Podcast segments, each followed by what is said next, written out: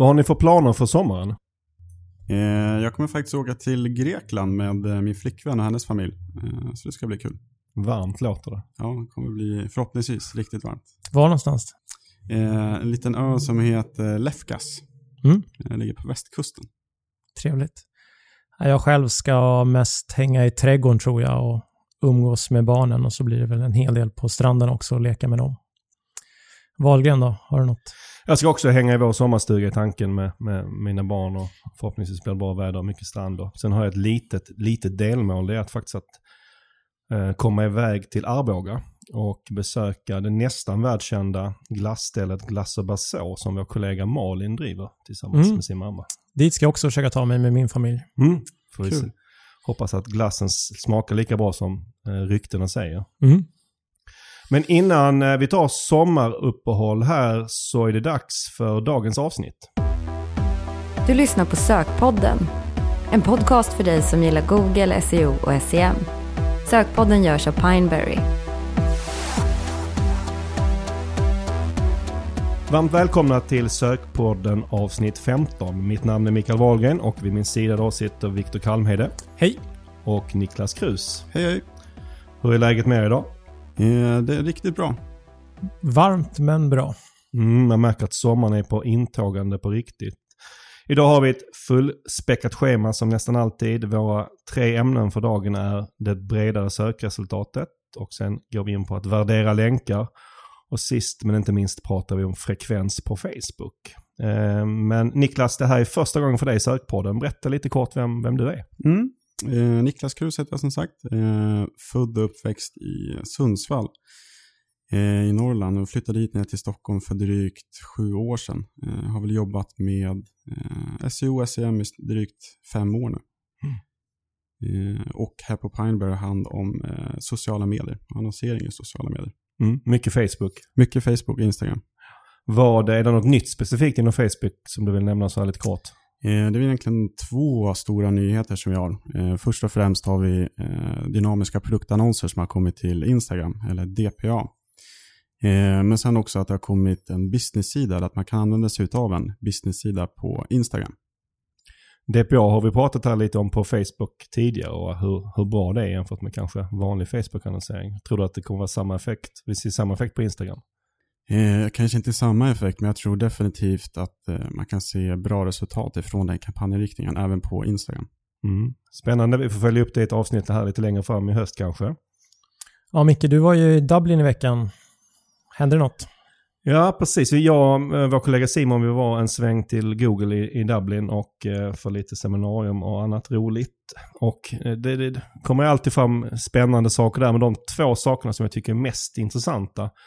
Eh, för det var en, en, en, ett event kring audiences som Google kallar det, eller i min värld kan man, man kan kalla det målgrupper som man gör Mm. på Facebook.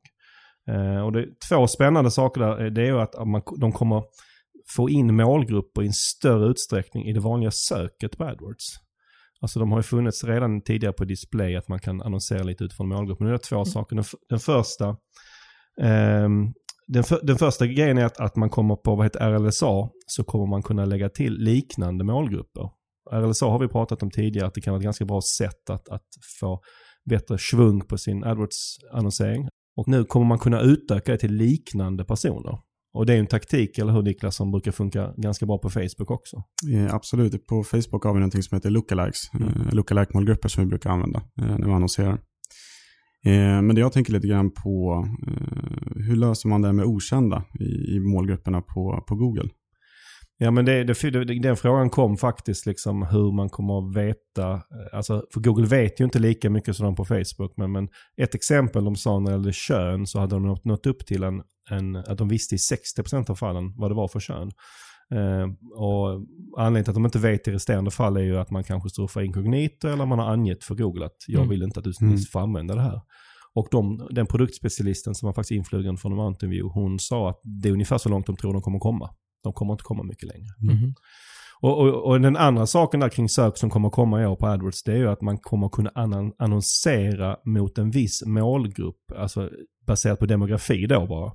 Till exempel kön. Så att du kommer kunna att om du säger, säger att du säljer bara skor till kvinnor så kan du välja att bara annonsera mot kvinnor. med då, Mm. som du Mm. nämnde Niklas, att till viss del så, så vet de inte om att det är en kvinna, men i 60% av fallen så vet de om det i alla fall. Mm. Så det är ganska intressant att man kan lägga på den parametern på de vanliga AdWords-kampanjerna. Mm. Så det blir spännande att se.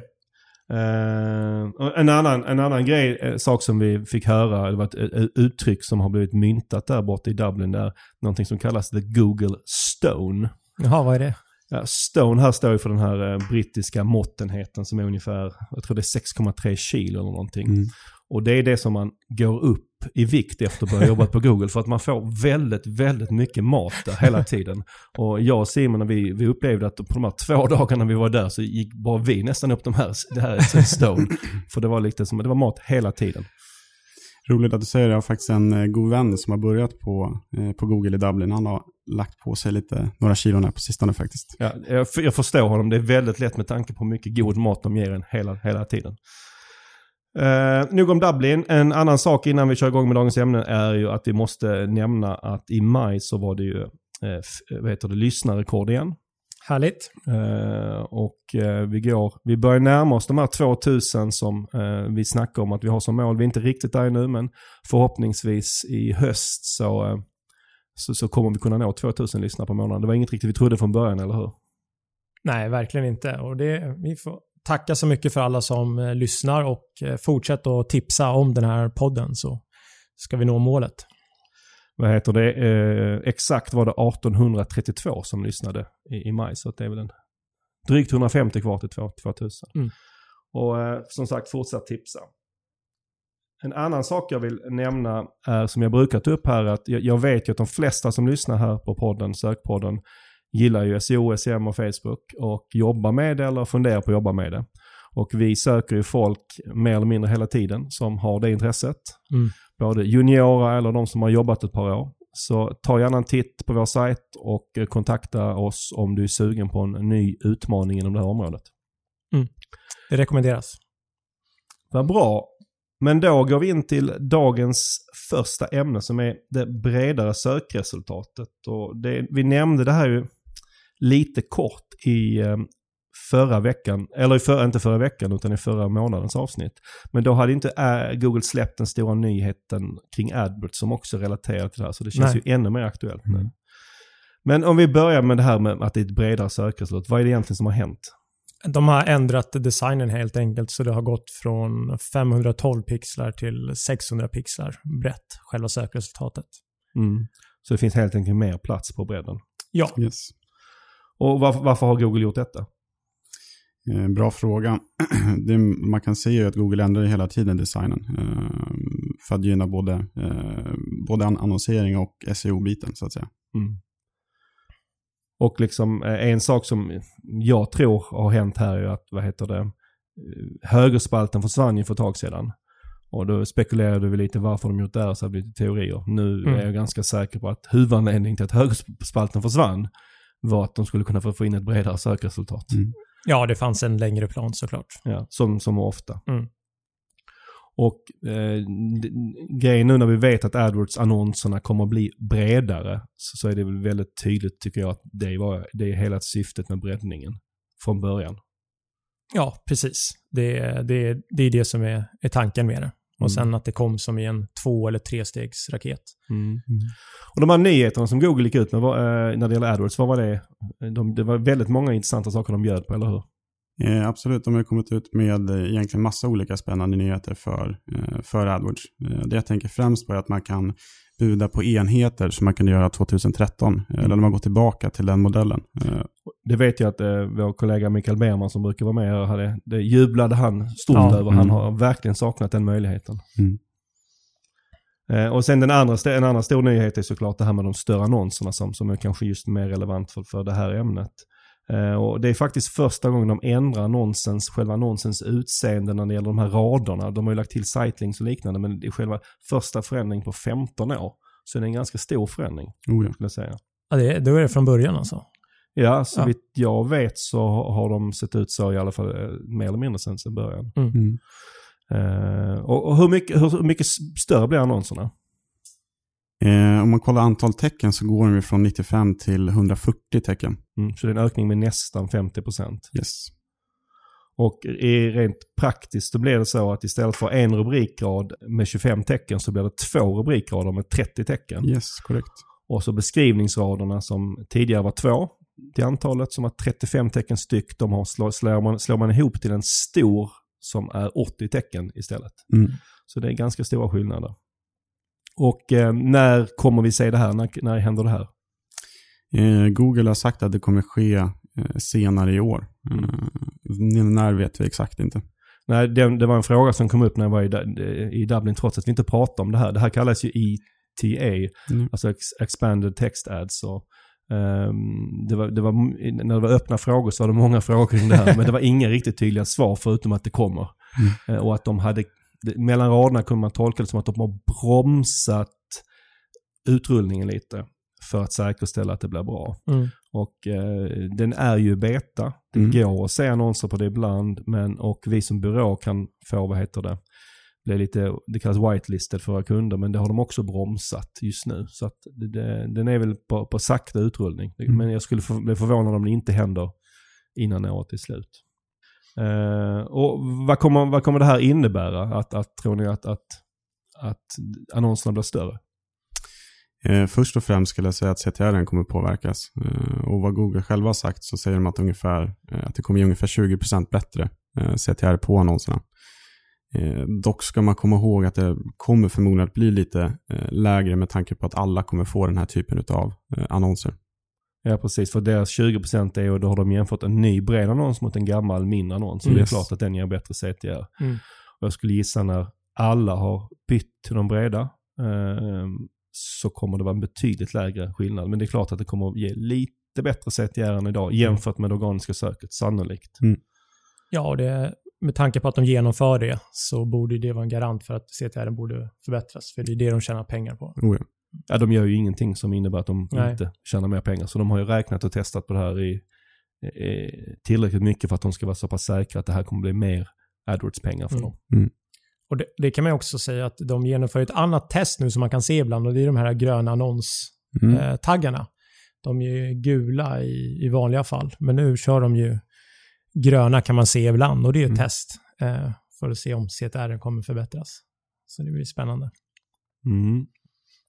Och som sagt, det här är första gången på 15 år som de ändrar liksom formatet på annonserna. Liksom, Det kommer att bli ett ganska stort jobb för alla annonsörer världen över att ändra om alla annonser. Jag tänker bara på våra, för våra kunder. Liksom. Mm.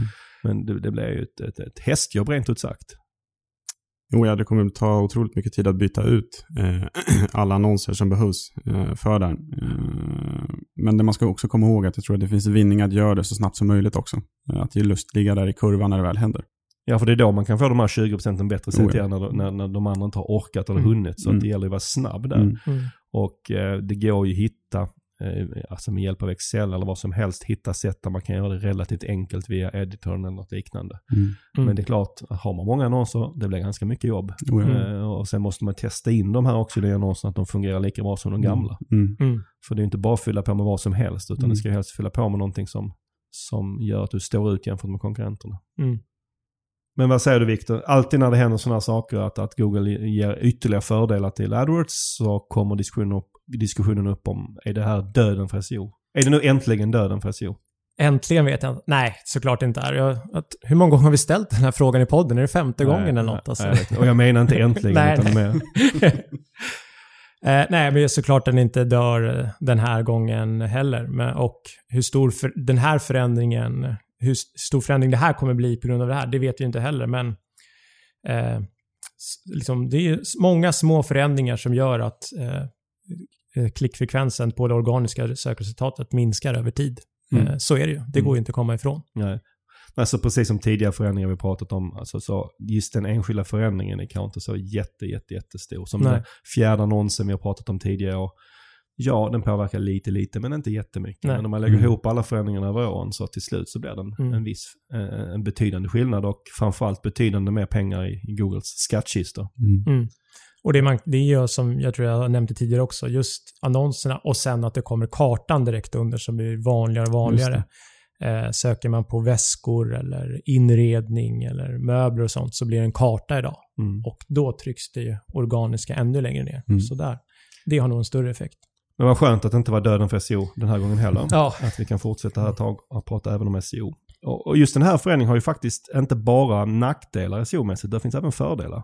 Ja, precis. Eh, breddningen gör ju även att vi får plats att skriva längre titlar. Mm. Eh, och det ger oss möjligheter. Eh, som sagt, precis som för i annonseringen. Att nu kan vi skriva längre och bättre titlar. Kanske få mer, fler eh, sökord eller göra dem mer eh, säljande. Mm. Och hur, hur mycket längre blir titeln? Ja, det där beror ju på som sagt. Det är ju ett, det är ett pixelmått som eh, Google mäter och på 600 och eh, bokstäver är ju olika breda så det gör ju att man får plats med olika mycket. Men eh, vår branschkollega Firstly gjorde en, eh, en mätning och då kom de fram till att höll man sig kring 68 tecken så skulle man klara sig från att bli klippt. Ja, de hittar inget exempel där man inte klarar sig med 68 tecken. Nej. Så det är en ganska Mm. hyfsat säker gräns om man inte bara har Ws eller Ms i, i titeln som är väldigt breda Ja, bokstäver. precis. Det, det betyder också att man kanske kan få in några tecken till, men då, i så fall måste man verkligen testa så att det inte bryts. Ja. Och jag fick, eh, när jag, vi har ju skrivit lite om det här innan och då fick jag komment, faktiskt kommentaren att är det inte lite tidigt att gå ut med att man ska byta titel? Jag kan förstå det, för att liksom det är ju lite, å ena sidan har Google sagt att det är ett test. Det var väl John Mueller som var ute och sa att det var ett Ja. test. Alltså på något sätt, men sen tycker jag när AdWords-nyheten kom, så Mm. känns det som att det är Mm. inte test längre. Nej, de kommer inte rulla tillbaks det här. Nej. Det tror inte jag. Och det vore märkligt att de skulle då minska det organiska sökresultatsbredden men inte göra det på eh, annonserna så att säga. Så det är därför vi tror att det här kommer leva vidare. Men sen såklart på sikt så kommer det säkert förändras igen Mm. som det har gjort. Mm. Eh, det gör ju det till och från. Det var väl två år sedan det gick ner från omkring 65 tecken ner till 55-60. Mm. Ja. Så. Ja, det är ju alltid bedö- med bedömningsfrågor när man tycker det är värt att gå in och ändra titlarna. Ja. Liksom, och, och det enda vi vet är att titellängden kommer ändras igen. Mm. Eh, någon gång. Men ja, min, min åsikt just nu är att det kan vara värt att göra det. Mm. Eh, och, eh, vi, vi har ju själva inte kommit så långt, men du, Viktor, du nämnde ju, ett, eller visade ett exempel, eller om det var Pontus, precis innan vi gick in här och skulle spela in, att vi, har ändrat, vi hade en omröstning på en av våra viktigaste sidor vad vi skulle ändra titeln till. Mm. Och där var vi, har, genomförde vi en titelförändring i förra veckan och nu rankar vi faktiskt ett par positioner bättre. Ja. Sen om det har med det att göra vet jag inte. Nej, Men, men ehm, det vet man ju aldrig. Men jag kan tycka att det kan, när det händer sådana här grejer kan det vara ett bra tillfälle att ta i akt att gå igenom sina titlar. För det har man alltid en, en anledning att göra, för det, de är väldigt viktiga. ja. Och kanske försöka göra dem bättre. Mm. Det, man, det man ska komma ihåg också att har du längre titlar än dina konkurrenter så har du förmodligen större chans att driva klick till din sajt också. Så att ju tidigare du förändrar det här, eh, ju bättre helt enkelt. Mm. Ja, det gäller ju att sticka ut helt enkelt. Mm. Okej, nu har vi fått, det sägs att man har fått någonstans 10-15 tecken mer kanske att spela med. Hur ska man utnyttja dem?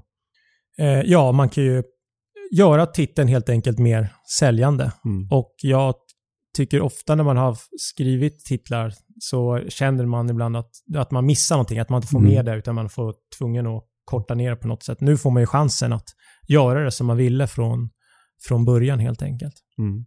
Och hur kan man följa upp att okej, att, okej, jag skrev en bra titel eller jag skrev en dålig titel? Eh, nej, man, I Search Console så kan man ju se CTR'n Mm. eh, som man får. Så man kan ju se där om den ökar och i, ja, följa upp om det ger, får mer trafik helt enkelt. Mm. Alltså man kan ha ett par titlar som man testar en månad styck och så ser man kanske om det blir skillnad CTR. Mm. Ibland kan det vara lite svårt att se kanske skillnad. Det måste vara, måste vara en viss volym på ordet för att man ska få Ja. ett underlag. Men, Ja. Men att man, man, man kommer i alla fall se om det är någon sån titel som verkligen inte presterar eller som inte Mm. alls fungerar. ja, precis.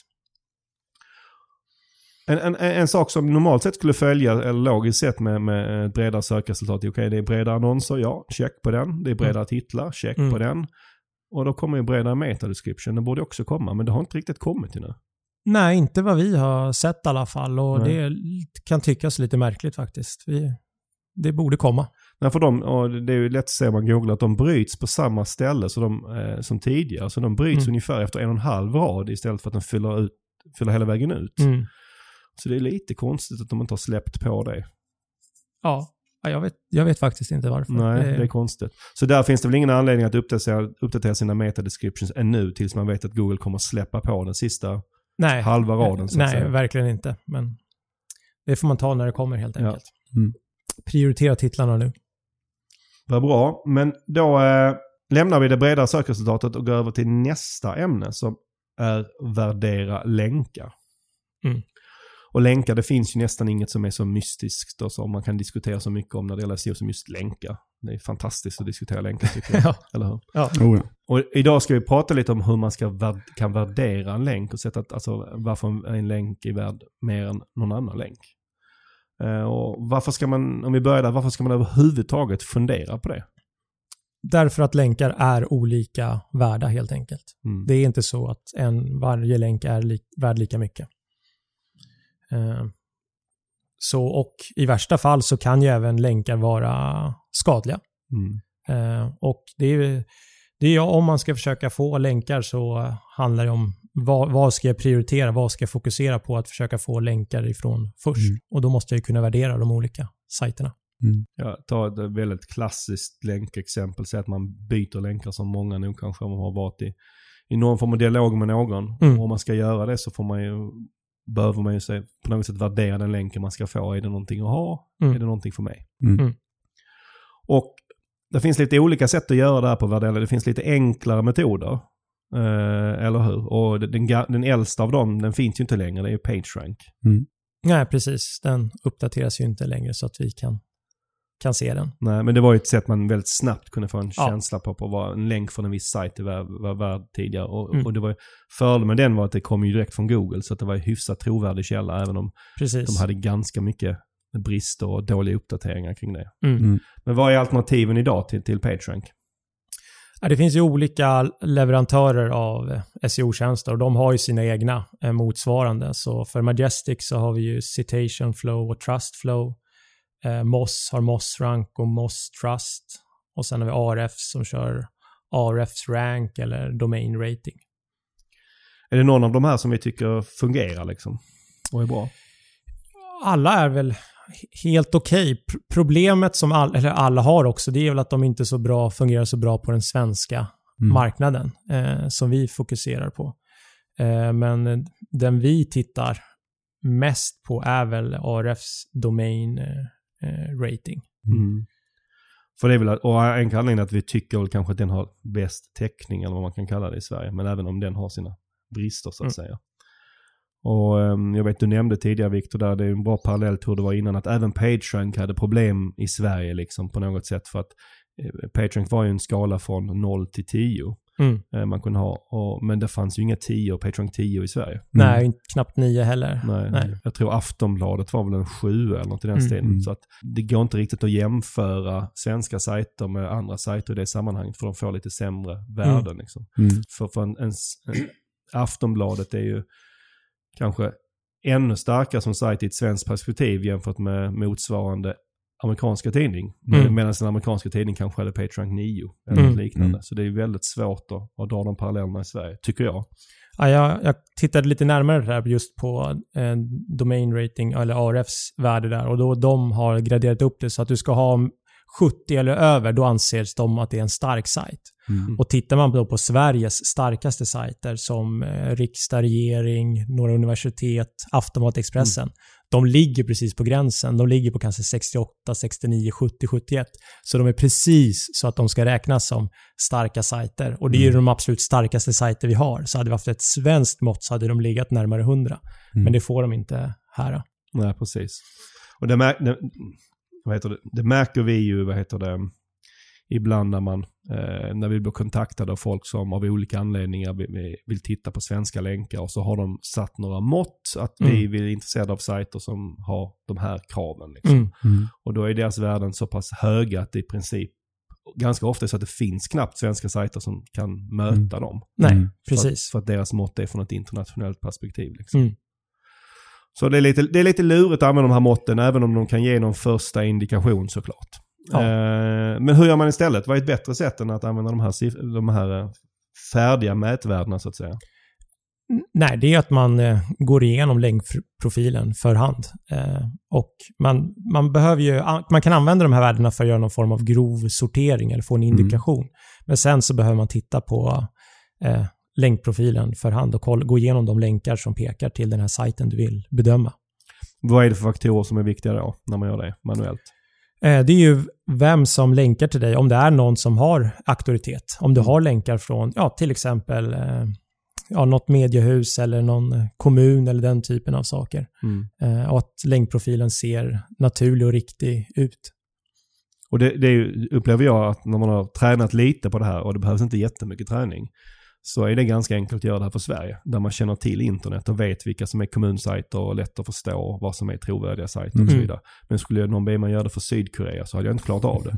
Nej, inte en chans. Det är, och, det är, och det är det som gör att vi gör det här manuellt, att vi inte förlitar oss. För vi Mm. kan den, den svenska webben, så vi vet vad vi ska leta efter. Ja. Eh, Så det går, man, kan, man kan scrolla igenom profilen snabbt och göra den bedömningen. Och den blir så mycket bättre än vad en, en siffra säger. Men en, en siffra som, som jag vet vi ofta tittar på istället för kanske någon, någon, någon Ahrefs ranking eller någon Majestic ranking är ju antal länkande domäner. Mm. Mm. Ehm, och då är det liksom inte antalet länkar totalt sett utan det är det hur många olika domäner som länkar till det. Är det ett bra mått att använda sig av bara det eller måste man alltid titta på vilka domäner det är som länkar? Eh, ja, det tycker jag man ska göra. Det är också att få en uppskattning om grundstyrkan så att säga, men sen måste man gräva djupare. För det vet ju inte vilka domäner som döljer sig där bakom. Det kan Mm. ju vara riktiga skräplänkar från eh, utländska directories eller någonting sånt.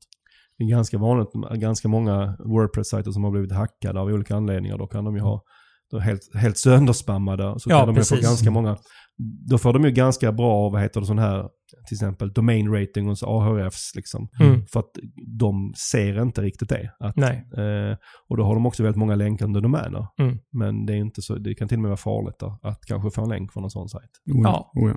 Och man kan göra en snabb bedömning också, att man kollar hur eh, domänerna är spridda från vilka marknader. Alltså hur många är SE och COM Mm. och så vidare.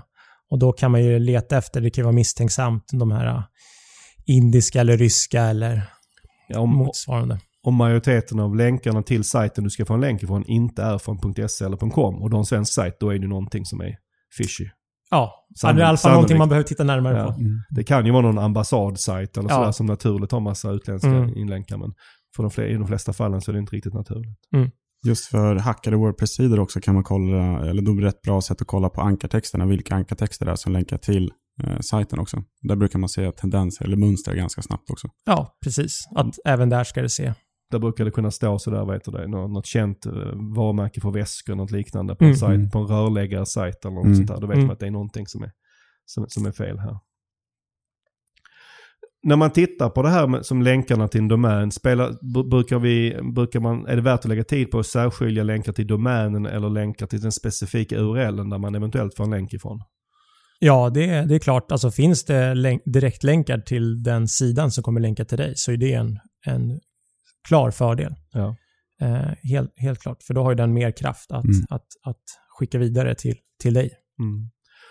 Och en annan faktor som man ska ta in här förutom då antalet länkar till den och hur trovärdiga de är, kanske, är, är ju relevansen på den, de lä- länkarna som, som sajten har. Hur viktigt är det med relevans? Eh, nej men det är ju det är viktigt och det är ju att en sajt, eh, att, att länkarna kanske, man tycker att den, länken är svag för att den kommer från en, en mindre aktör, men relevansen i innehållet som länkar till det är, är bra, då, då tycker jag man ska köra på det. Mm.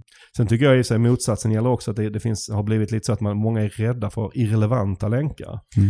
Och det, det tycker jag inte alltid man behöver vara. För att till exempel, ja, om, om jag skulle få möjlighet att få en länk från regeringen.se, den är inte så relevant kanske. Men jag skulle ta den vilken dag som helst. Det Ja. skulle vara Mm. rena julafton att få en länk därifrån. Man ska vara tacksam för de länkar man kan få. Ja, Det ska mycket till för att man ska säga nej. Oh ja. Oh ja. Eh, en, en annan sak man kan titta på är väl huruvida sajten som man får en länk från rankar och kanske rankar på relevanta sökord för en själv. Ja, Mm. precis. Man kan ju börja med att kolla på att vad den här sajten eller sidan, vad försöker den ranka på? Hur dyker den upp i sökresultatet? Mm. Eh, om den dyker högt upp, då tycker Google antagligen om den och då är det bra att få en länk från den. Eh, och sen, ja, hur rankar sajten generellt också? Mm. Så det, Och jag har varit inne lite på kollat på det här hur man ska liksom försöka undvika då dåliga länkar. Och, eh, Niklas du nämnde det här med att kolla på ankartexterna och, och Viktor du nämnde att man kanske ska se om är det massa, har den en massa länkar från .ru-sajter, från ryska sajter så ska Mm. man kanske vara vaksam. Eh, Men om man misstänker, som man inte riktigt vet, om man misstänker att det här kanske är en dålig sajt som är filtrerad och sådär, hur, hur kan man kolla det på enkelt sätt? Nej, det är att kolla hur, hur den, eh, om den rankar. Mm. Eh, och sen kan man testa om den rankar på sitt eget innehåll helt enkelt. Ja. Mm. För om den inte ens syns på sitt eget innehåll, då är det någonting som Då är det konstigt. sannolikt illa. Då kanske man Ja. ska undvika att byta till sig den länken eller vilken anledning det nu är till att man kan få den här länken. Mm. Just det här med länkbyten, för det är där det blir mer, mest konkret kanske med de här värdena. Mm. Eh, så upplever jag liksom att, att, att många anser att ett länkbyte måste vara rättvist. ja. Alltså att om jag och ger dig någonting som är värt fyra så vill jag få fyra tillbaka. Mm. Mm. Eh, ska man tänka så? Nej, alltså man ska få de länkar man kan försöka få tag i, Ja. eh, tycker jag. Och det är bättre då att man kanske om man har möjlighet att då ge bort en bra länk och få en halvbra tillbaka så är det bättre för en själv än att inte göra det bytet, eller hur? Ja, Ja. Ja. Så resonerar jag oftast också. Vad bra. Då lämnar vi länkar för idag och går över till dagens sista ämne som handlar om frekvens på Facebook. Och just det här med frekvens när jag föreläser så är det faktiskt en av de vanligare frågorna jag får när det gäller Facebook-annonsering. Det är hur ofta ska jag visa en annons? Mm. Har du något enkelt och bra svar på det, Niklas? Eh, nej, tyvärr. Eh, har inget, det är som att fråga hur långt är ett snöre. Lite grann. Det är många frågor vi tar upp här som är där svaret är hur långt är ett snöre? det är vår bransch. Eh, nej, men det beror helt på eh, egentligen vilket typ av företag eller vilka tjänster produkter du annonserar för. Eh, vi ser ju resultat på olika kampanjer mot samma företag, typer av tjänster också. Så det skiljer sig verkligen jättemycket. Ja, det finns inget enkelt svar på det här och det är därför vi tar upp det här. För då hade, Mm. hade det varit ett enkelt svar så hade det inte varit så mycket att diskutera. Utan vi ska väl se vad, hur man ska kunna se på det här med fre- frekvens. För det är ändå en ganska viktig faktor att ta hänsyn till. Mm. Ofta de som tar, tar, tar upp Eh, det när, till mig som frågar om det, de tar upp det från den här vinkeln att det är lite liten irritationsfaktorn. Att de, om de upplever att de själva blir irriterade av att de får se annonserna för ofta. Eller att de är rädda för att, att eh, när de själva annonserar att folk ska bli eh, irriterade. Um, och ett bra exempel var att senast, jag tror det var senast jag föreläste, så var det en i publiken som frågade just det här. Och han tyckte väl, eller som jag tolkade, han sa inte rakt ut, men som jag tolkade hans fråga så kanske han upplevde att vi hade visat annonserna lite för ofta för honom. Ehm, och de annonserna vi har på Facebook är ju dels att man kan köpa boken Guldläge på nätet och att man kan gå på seminarium. Mm. Men han sa samtidigt också att han har köpt boken Mm. och han var på seminariet. Så Ja. på ett sätt så insåg han också att det hade fungerat. Mm. Men han tyckte väl kanske då att, eller han frågar hur vi tänkte kring det och när börjar folk bli irriterade? Är det någonting som man ska fundera på? Finns det någonting som irritationsfaktorn som man ska sätta ett värde på? Absolut. Eh, just för att det är så svårt att säga eh, påverkan. Eh, just därför är det så viktigt att hålla koll på. Men det man ska kolla på främst är väl egentligen hur, vilken relevance score får du på dina annonser, vilken CTR får du på dina annonser. Ser att du sjunker väldigt mycket i klick eh, kontra visningar så är det en väldigt bra indikator på att du har visat annonsen lite för mycket eh, för den målgruppen. Mm.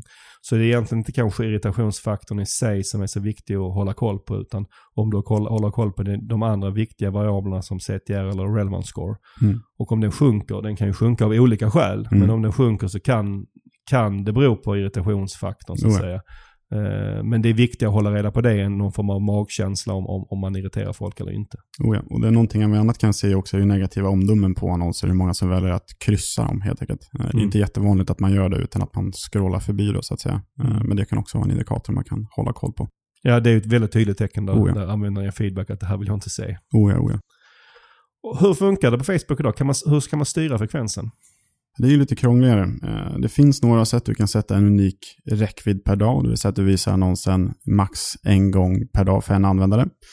Eh, nackdelen med att göra det är att du tappar till exempel möjligheten att betala för klick, det vill säga att du betalar CPC, utan att det blir CPM du betalar för helt enkelt. Eh, men sen också att du tappar viktiga kampanjinriktningar som dynamiska produktannonser kan du inte köra med det alternativet och så vidare. Mm. Men det enda som är bra med Facebook är att jämfört med kanske Google Display och sådär, att man, kan, man, man sätter det här per användare och inte Mm. per cookie. Mm. Oh ja, oh ja, det är otroligt bra. Eh, En otroligt stor fördel. Eh, men om, om man då inte, alltså det finns begränsningar som du säger hur man kan sätta frekvensen och jag hör mellan din, mellan raderna vad du säger att det kanske inte är det bästa att göra, använda Mm. den, den funktionen. Hur gör man istället då? Det första man ska göra är att hålla koll eh, på den egentligen. Eh, så att den inte sticker upp över 3, 4, 5. Mm. Vi har sett studier på att vid 5 så betalar man ganska mycket per klicken och vi ser själva att när man går över 3 att man börjar betala rätt mycket. Eh, men det bästa man kan göra är antingen att hålla koll själv manuellt eller använda tredjepartsverktyg helt enkelt. Mm. För att den inte ska sticka iväg. Då. Som så, så mycket eh, som vi pratar om här så handlar det om att man, måste, man kan inte göra det för automatiskt utan det, det krävs ett visst manuellt eh, handpåläggning också. Oh, ja, oh, ja. Och du säger att det är lite krångligt här på Facebook och då Facebook det är, inga, det är ju smart, precis som på Google, det är smarta killar och tjejer som jobbar där. Mm. Eh, varför har de, eh, det känns ju som att de har inte gjort det här krångligt bara för, för sakens skull, utan det, eller det finns en mening med att det är lite krångligt. Oh ja, oh ja, absolut. De vill ju att du ska spendera eller annonsera så mycket som möjligt eh, på Facebook. Så att definitivt, eh, allting som kan få dig att spendera mer vill ju Facebook göra helt enkelt. Ja, de vill inte att man ska begränsa ens Nej. frekvens. Eller? Nej. Det är, alltså frekvensen, jag brukar se det lite, se det lite som att, att eh, ibland när vi, när vi pratar om det här på Google, för Google så, vi pratade om, det var i förra avsnittet vi pratade om matchtyper. Och bred match som är standard på Google, det är ju Googles sätt att liksom säga till oss att, att Mm. gödsla gärna lite med annonserna. Mm. Ja. Och Facebooks sätt är ju att okej, det, det ska inte vara så lätt att styra frekvensen för att Mm. vi vill helst att ni ska gödsla lite extra Mm. med annonserna. Mm. Eh, så det ska man ju veta om att Facebook vill ju att man ska hålla frekvensen uppe så att säga. Om, om vi återgår till den ursprungliga frågan då. Det, det går inte att sätta en, en siffra på en bra frekvens för, som gäller för alla. Men hur kan man ta reda på sin egen, vad som är bra frekvens för en själv? Eh, det man ska kolla på först och främst är ju eh, kostnaden per konvertering, eller ROAS helt enkelt. Eh, hur pass lönsam är den här kampanjen? Det är alltid det du ska utgå ifrån. Det här är jätteviktigt KPI för att se hur, hur annonserna, kanske enskilda annonser presterar också. Mm.